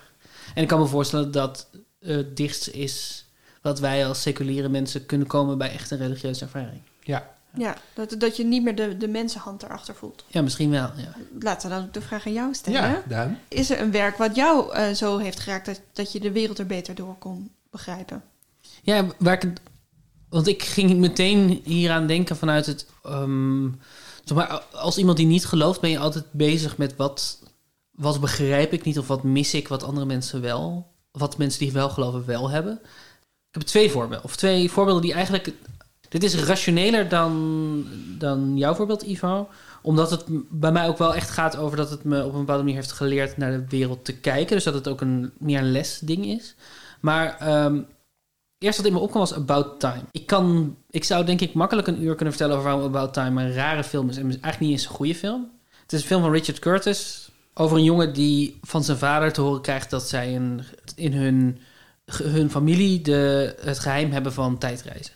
En hij moet gewoon zijn ogen dicht doen en zich voorstellen. En dan spoelt eigenlijk de boel terug en dan kan hij een dag nog een keer beleven. En vanuit daar komen er allemaal vreemde avonturen. Er is iets met een acteur die zijn tekst is vergeten. En er is iets met een meisje wat hij kan verleiden doordat hij eigenlijk haar al kent. Maar dan doet alsof hij er nog niet kent. Wat, wat eh, slecht is verouderd. En zelfs toen al misschien niet, niet de meest romantische gedachtegang is. En meer stalkerig. Maar waar de film eigenlijk langzaamaan steeds de helderder wordt waar de film over gaat. Is, de, is verlies en liefde. En familieliefde. Dus het gaat heel erg over de band tussen die vader en die zoon. En de film eindigt eigenlijk super didactisch. Met dat eindelijk heeft dit personage ontdekt hoe hij om moet gaan met zijn tijdreizen. En hoe hij dat doet is door iedere dag twee keer te ervaren. Niet door iets aan te passen of te veranderen. Maar hij doet de dag met alle stress en alle pijn en alle onhandigheden. En alle complexiteit en alle ingewikkeldheid. En dan daarna spoelt hij terug en dan doet hij de dag nog een keer. Om te waarderen wat er allemaal is wat hij de eerste keer niet heeft gezien. Alle schoonheid die hij heeft gemist de eerste keer. En Eh, op een gegeven moment ontdekt hij dat hij ook stopt met terug in de tijd reizen... Om, dat- om die dagen de tweede keer te ervaren. Omdat hij merkt dat hij dat de eerste keer al kan. The truth is, I now don't travel back at all, not even for the day. I just try to live every day as if I've deliberately come back to this one day. To enjoy it, as if it was the full final day of my extraordinary, ordinary life. En daar zit voor mij een soort van dankbaarheid in... die ook gaat over de reis waarderen... omdat er, geen einde, omdat er aan het einde niks is. Omdat ik, omdat ik geloof dat als we dood zijn, dat we gewoon dood zijn. Dat we het allemaal maar één keer meemaken. Dat, eh, dat, het, dat, heeft, dat heeft me zo helder geleerd... Ik, ik denk dat het dit is. Ik denk dat het me heeft geleerd om te kijken naar dingen zoals dankbaarheid... en het idee dat je moet waarderen wat je wel hebt... op een manier die niet, die, die niet kut klonk in mijn hoofd. Dus te- tegen jezelf zeggen, ja, maar je moet dankbaar zijn voor wat je wel hebt. Denk je, fuck it, ik ben niet dankbaar voor wat ik wel heb. Ik wil gewoon heel graag dat wat ik niet heb. Ja. Ik wil gewoon heel graag dat ik, dat ik wel word uitgekozen voor die klus. Of ik wil gewoon heel graag dat ik, nou ja, al die, al die voorbeelden, alledaagse voorbeelden van dat je gewoon meer wil en verlangen. Nou ja, we hebben het al eerder over hebben gehad. En dit was een soort van geniet van iedere dag alsof je bewust terug bent gegaan naar deze dag om hem nog een keer mee te maken. Mhm. Dus heb nostalgie voor het nu, Ja. basically. Dat heeft me heel veel ge- geleerd. Ja, Eh, dus dat is echt letterlijk de verhaalbeat die zij hebben gecreëerd... helpt jou Ja, naar jouw eigen leven ja geef, te mij, mij taal Ja. eh, om, naar, om te kijken naar hoe ik naar mijn leven moet kijken. Ja. En eigenlijk diezelfde les op een andere manier geformuleerd... eh, vond ik in Groundhog Day de musical. Oh ja. En het is heel grappig dat jij begon met een Tim Minchin musical... en dat ik ook een Tim Minchin musical noem. En hij heeft er twee gemaakt. Eh, ik vond Groundhog Day een topfilm. En deze boodschap zit absoluut ook in die film. Hij moet iedere keer opnieuw die... En hij versiert ook een meisje. Ja, hij versiert ook een meisje op een problematische manier. Ja, dus Groundhog Day inderdaad, hij moet, hij moet elke keer dezelfde dag le- eh, Ja. leven. Ja. Ja. en op een gegeven moment, hij, hij wordt boos. En dan wordt hij verdrietig en dan wordt hij depressief. En op een gegeven moment ontdekt hij dat hij niet moet proberen om iets te veranderen aan zijn situatie. Dus proberen om naar de volgende dag te gaan, maar er het meeste te maken van de dag die hij heeft. I thought I'd seen it all, but sure now I knew this place. I swear that I knew every hair, each line upon your face. I thought the only way to better days was through tomorrow. But I know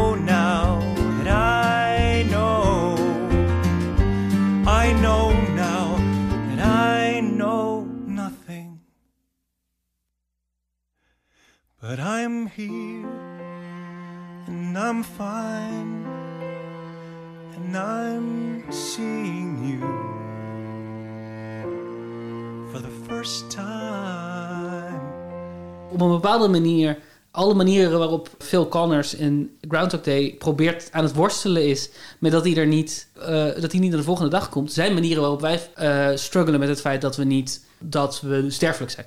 Basically. Ja, ja. En uiteindelijk ontdekt hij dat het enige wat hij kan is gebruik maken van wat hij wel heeft, genieten van wat er is. Ziet hij het mooie in anderen, dus dat is ook heel erg de boodschap over ehm, dat ieder mens complex is en dat ieder mens verlangens heeft. En, en dan, eh, ja, nou ja, het voordeel aan Phil Connors is dat hij uiteindelijk krijgt hij wel wat hij wil.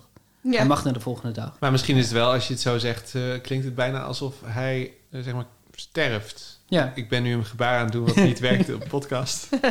maar ik ben ook even vergeten hoe je dit dan... de Aanhalingstekens. Eh, aanhalingstekens sterft. Dus er is wel een soort van lijn tussen Soul en Matilda en Groundhog Day en About Time. Wat een soort van, het zijn allemaal wel een soort van seculiere, spirituele ervaringen of zo. Ja. Toen, toen we net dat, dat stu- muziekstuk eh luisterden, toen ging ik dus in mijn hoofd meteen naar eh, Disney-beelden.